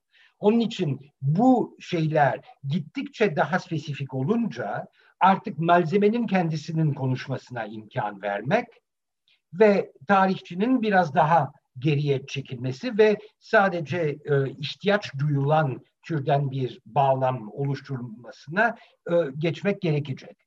Yani bunu söylüyorum becerebilecek miyim bilmiyorum. Yani çünkü orada ciddi bir şey var. Yani devamlı o cazibe var. Yani Aa, ben bunu da anlatacağım, bunu da şey yapar. Ee, onun için ümidim artık e, senede iki tane falan çıkarabilmek. Yani eğer işte Şubat sonuna doğru bu çıkarsa hani sene sonuna kadar ikinci bir üçüncü bir cilt çıkarmak ve bundan sonra bunu daha böyle hızlı bir e, hale sokmak istiyorum. Yani zaman gösterecek. Bir başka soruya geçelim müsaadenizle hocam. E, Cem Hoca Kenize Murat'ın saraydan sürgüne aldığı kitabını bu bağlamda nasıl değerlendiriyor? Orada da 5. Murat dönemine referanslar var diye bir soru gelmiş hocam. Evet ama yani e, romandır. E, yani Kenize Murad'ın yazdığı e, bir romandır ve Kenize Murad'ın yazdığı romanın asıl e, vurgusu, odak noktası kendi annesi Selma ve onun annesi Hatice Sultan yani Murad'ın kızıdır. Dolayısıyla zaten hani çırağınla ilgili pek fazla bir şey söylemez ve bunları söylerken de bildiğimiz kaynakları kullanır. Ve tabii bunu bir Murat dalı e, hanedan üyesi hassasiyetiyle anlatır. Onun için hani bir mazlum Murat ki mazlumdur. Yani hakikaten yani Murat'a yapılan e, felaket bir şey e, düşünürseniz. Ama neyse. E, onun için e, tarihi romanlar bir baki hani roman nerede bitiyor, e, tarihi gerçek şey e, hele ki e, Kenize Murat e, kendi annesinin ve anneannesinin hikayesini bir tarih kitabı gibi aslında daha çok şey diyor. Yani pek fazla bir şey uydurmak derdinde değil. Kendi e, şey. Onun için e, yani buna bununla mukayese etmem. Bununla mukayese edilecek kaynak şeydir. E, işte dediğim gibi Ziya Şakir'in e, sarayda 28, e, Çırağan Sarayı'nda 28 yıl e, sene. O, o çünkü hakikaten çok başka bir dönemde ve başka yollarla kadınları dinleyerek, özellikle bir kadın dinleyerek toparlanmış bir kitap. Bu onu benim gözümde çok çok çok e, ilginç e, ve e, kıymetli kılıyor. Peki hocam, bir soruda bu şehzadelerin aldıkları eğitimde aldıkları notlarla ilgili çok aykırı bir şehzade var mı? Çok düşük not alan ya da hocasıyla anlaşamayan öyle spesifik bir soru gelmiş. Burada Yok. yine bir minik soru ekleyebilirim müsaadenizle. Bu Harbiye Mektebi eğitimleri e, ciddi bir eğitim mi? Yani gerçekten Harbiye derslerine giriyor mu şehzadeler? Mesela Selahattin Efendi'nin Harbiye'den e, ayrılması Abdülhamit'in talimatıyla sistem ediliyor. Hani üzüntü yaratıyor. Harbiye Mektebi eğitimi hakkında e, somut ne biliyoruz? Bunu da soruya eklerseniz hocam. Tabii. Ya Harbiye Mektebi hakkında epey bir şeyler biliyoruz. Çünkü en de sonunda e, bütün ders programları biliniyor vesaire. E, yani bilinen bir kurum. Problem Hayır, şu ki... Harbiye Mektebi'nden ziyade Şehzadelerin Harbiye tamam. Mektebi. Tamam. Ee, şehzadelere gidince biliyoruz ki bu ancak 1874'te şeyin e, Abdülaziz'in bir lütfu olarak yapılan bir şey. Ve Abdülaziz 4-5 tane şehzadeyi aslında 2-3 tane şehzade ile 2 tane e, beyzadeyi e, yolluyor. Bir tanesi tabii Yusuf İzzettin kendi oğlu. Ama Yusuf İzzettin o tarihlere ka- kadar e, hiç mektebe gitmeden e, müşir olmuş, mareşal olmuş. Yani o ayrı bir hikaye ve ilginç bir hikaye ama neyse. Zaten e, Selahattin ile Yusuf İzzettin birbirinden nefret ediyorlar ciddi bir e, şey var, rekabet var. Onun için bu şehzadelerin e, e, Mektebi Harbiye'ye gidişi ilk defasında ancak birkaç ay sürüyor. Çünkü e, şey e, Yusuf İzzettin şikayet ediyor e, Selahaddin'i ve dolayısıyla e, Abdülaziz hepsini oradan çekiyor.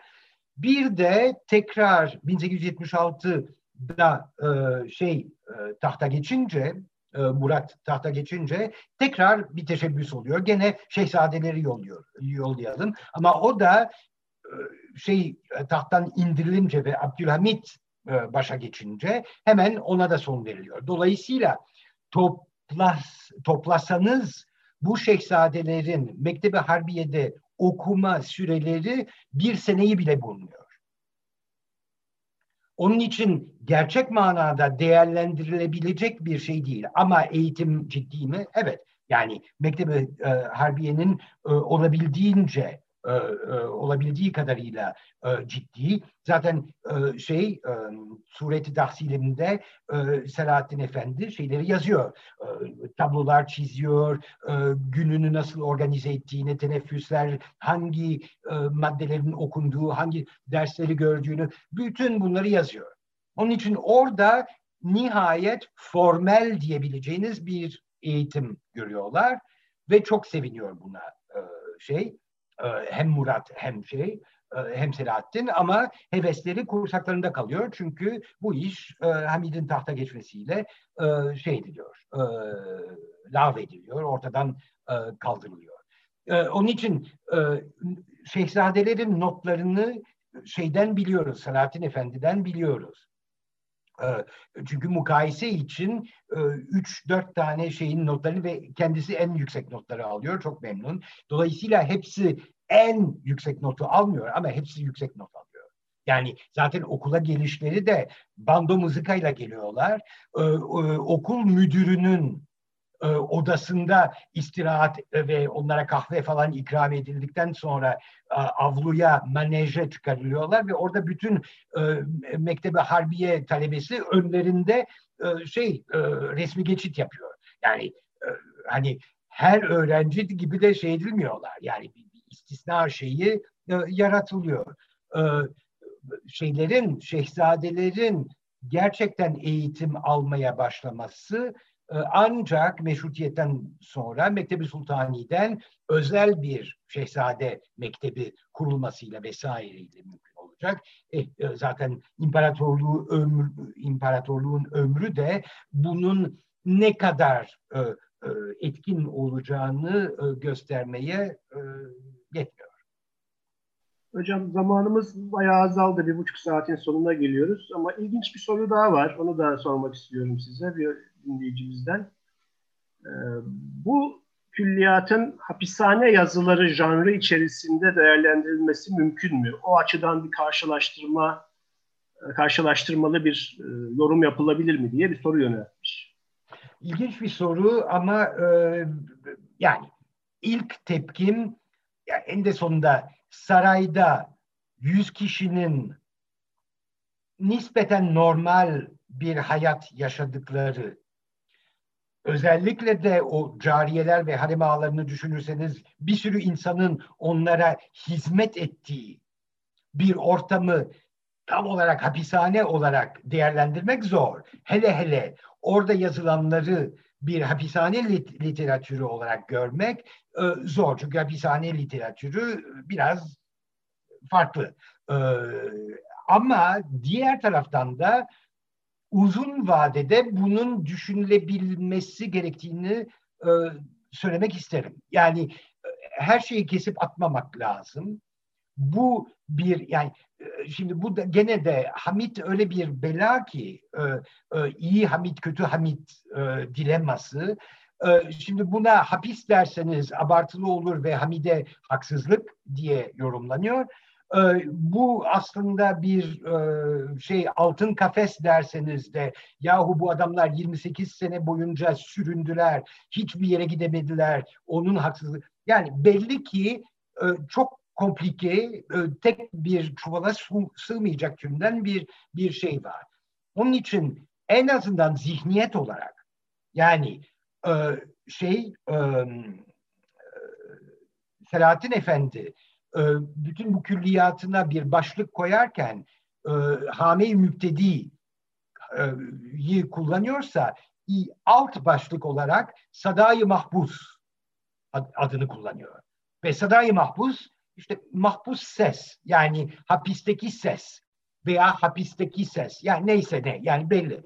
Dolayısıyla en azından kendi kafasında bir hapishane olduğu fikri var.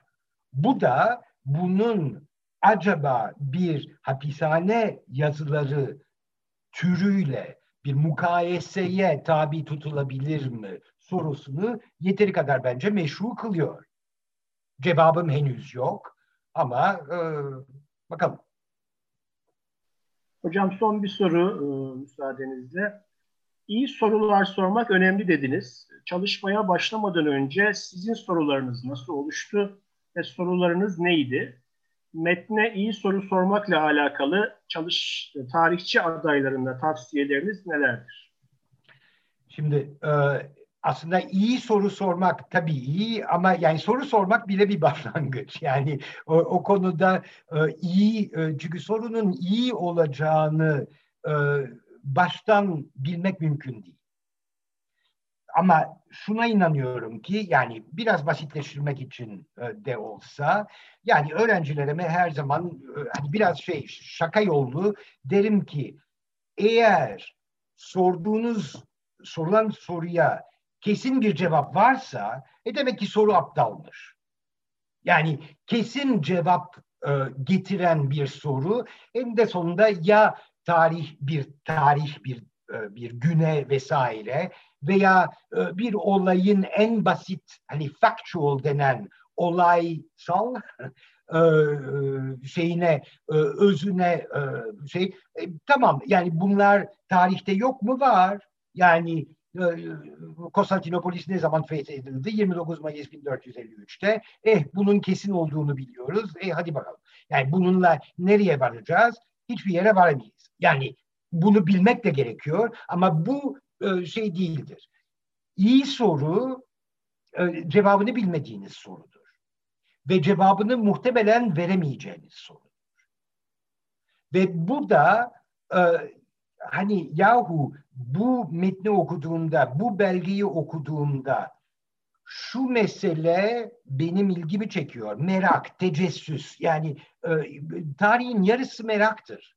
Bilmediğinizi merak edersiniz. Türkiye'deki en büyük problem o. Bana ne zaman deseler ki tarih çok önemli, tarih çok okumayı severiz falan. Sorduğunuzda okudukları, bildikleri veya bildiklerini sandıklarını tekrar tekrar okumak. Halbuki asıl merak bilmediğinizi okumak veya bilmediğinizi sormak daha da iyisi. Onun için yani bu konuda böyle hazırlık bir formülüm yok. Ama baştan çünkü soruları tabii ki belgenizde getirecektir. Hani şeye de düşmemek lazım. Hani çok idealize edilmiş önce e, teorik çerçeve, önce e, bir soru soralım. Bazı büyük sorularda evet. Ama bir sürü tarihçinin aklına gelen sorular ve bir ilk başta belki aklına bile gelmemiş olan sonradan oluşan sorular o belgelerle, o literatürle e, e, yüzleştiği anda ortaya çıkmıştır. Dolayısıyla bunun ucu açık olduğunu her zaman bilmek lazım. Onun için e, yani bu bir prensip ve bir e, neredeyse bir itikat, bir bir inanış ifadesi. Hakikaten daha fazlasını istemek. Hakikaten merak etmek. Ve tabii ki bazı merak soruları e, aptalca olabilir. Yani her e, e, cevabı olmayan soru yani bazıları e, malumat füruşluğun başka türlüsü olabilir. E, o da o da ilginç değil. O da ilginç değil. E, ilginç olan hakikaten soruyu sorduğunuzda bir yere varabileceğinizi düşündüğünüz ama cevabına sahip olmadığınız şey. Bir de her zaman söylediğim şey bizim en büyük problemlerimizden biri ister istemez bir batı tarihçiliği diye bir şey var. Bunu inkar etmenin manası yok. Ve maalesef bunun getirdiği şöyle bir yük var. Bu tarihçilik çok iyi. Bu tarihçilik 200 yıldır belirli bir modernite içinde kendini tekrar tekrar tanımlıyor, sorguluyor, yeni yönelimler vesaire. Yani e, Avrupa veya Batı historiografisi kendini sorgulamaya kadar giden bir şey. Yani en sonunda oryantalizmi e, kim keşfetti? Yani bizimkiler keşfetmedi. E, e, oryantalizmi gene Batı kendi içinde keşfetti. Ve dolayısıyla bütün bugün hayalini kurduğumuz ve bugün bahsettiğim zihniyet tarihi, kültür tarihi, bütün bunlar Avrupa'da, Batı'da geliştirilmiş olan e, tarihçilik örnekleri. Bunlar, şimdi bunlardan kaçınmak mümkün değil. Ama bunların getirdiği bir problem var. Bunlar aslında bir modelle geliyorlar. Ve bu model hani soru üzerinden giderseniz bu modelde sorulan sorular, kıymetli bulunan sorular veya bu açılımlara e, imkan ver, vermiş olan soruların bir sürüsü oradaki kültürel, siyasi, tarihi çerçeve içinden sorulmuş sorulardır. Yani kimse bir Osmanlı ulema e, mensubunun e, hatıratı keşke olsa ama layihası veya bilmem nesi üzerinden soru üretmedi Batı'da zihniyet tarihini geliştirmeye çalışırken. Varsa yoksa kilisede ne oluyor, ilk ego dokümanlar nedir, e, e, Husso'nun e, konfesyonları, e, Menetra'nın e, günlüğü vesaire vesaire. Ve bu muazzam bir birikim. Biz de bu birikimi ister istemez hayranlıkla kullanmak durumundayız. ister istemez de dolayısıyla bazen e, hani neredeyse teknoloji transferi gibi oradaki bazı soruları olduğu gibi bizim şeye. Ondan sonra da problem çıkıyor. Çünkü bakıyorsunuz, soruyu soruyorsunuz. Belge nerede? Çünkü genellikle sorular gene de belgeden çıkması gerekiyor.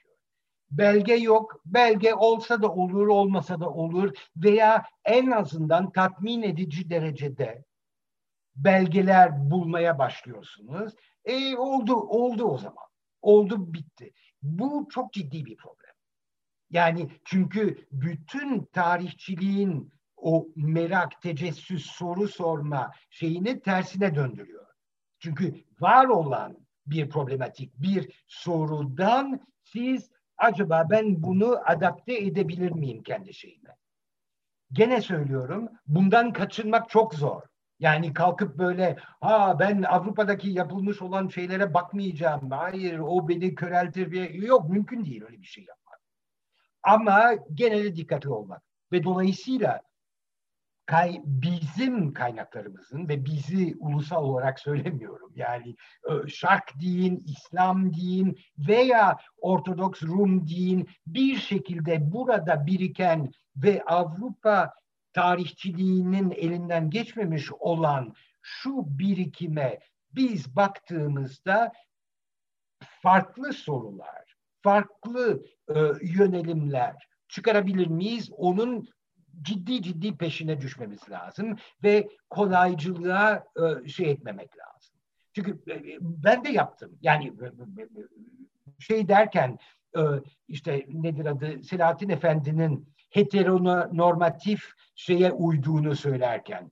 E yani bir belgeye dayanarak ve bu konuda işte Drorzevi'ydi, e, şeydi, e, Kalpakçı'ydı, e, Halet Efendi konusunda yaptığım işte Ahmet Cevdet Paşa'nın yani topu topu 5-6 tane kaynak ve belgeye dayanarak işte 19. yüzyılda Osmanlılar daha fluid, akışkan bir cinsellik e, şeyinden, tahayyülünden e, daha heteronormatif bir şeye geçtiler dedim. Şimdi bu bunun böyle olduğunu zannediyorum ama hala bunun yeteri kadar kendi kaynaklarımızla e, şey edildiğini e, sanmıyorum. E, ispat edilmiş olduğunu sanmıyorum ve e, büyük bir ihtimalle başka türlü kurgulamak gerekecektir. Vesaire vesaire vesaire. Yani e, zor. Evet. Hocam bu son soruda mini bir historiografi dersi de verdiniz.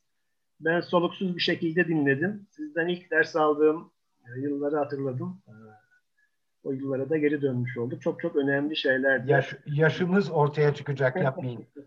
Hocam çok teşekkür ediyorum. Çok e, keyifli ve bilgilendirici, faydalı bir e, konuşma oldu. Umarım e, sorularımla e, bir miktar çorbaya tuz katabilmişsem ne mutlu bana.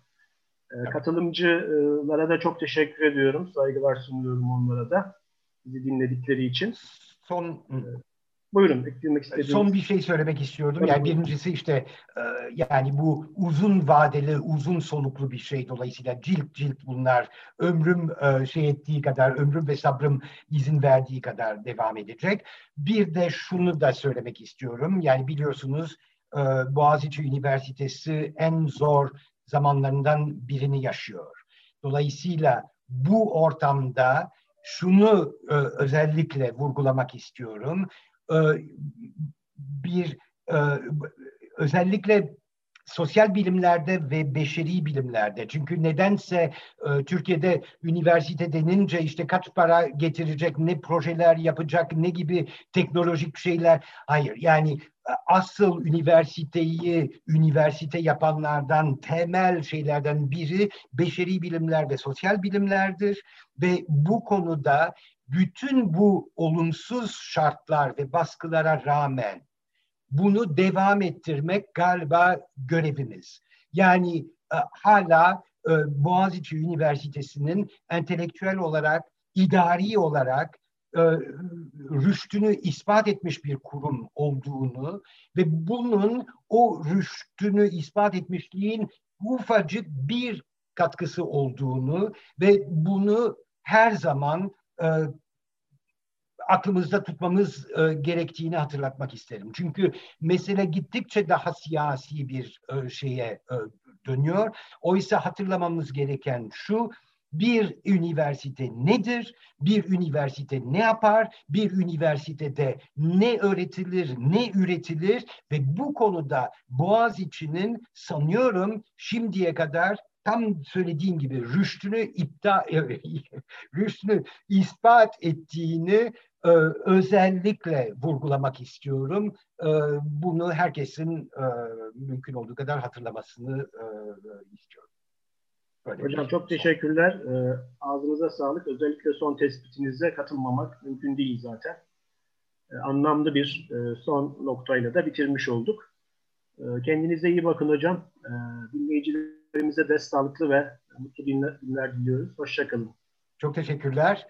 Ee, size de özellikle Mehmet çünkü sizin de çok keyifli oluyor yani e, malzemeyi biliyorsunuz vesaire yani iyi, Teşekkür ederim iyi akıyor. Onu Benim için bir yani. keyifti.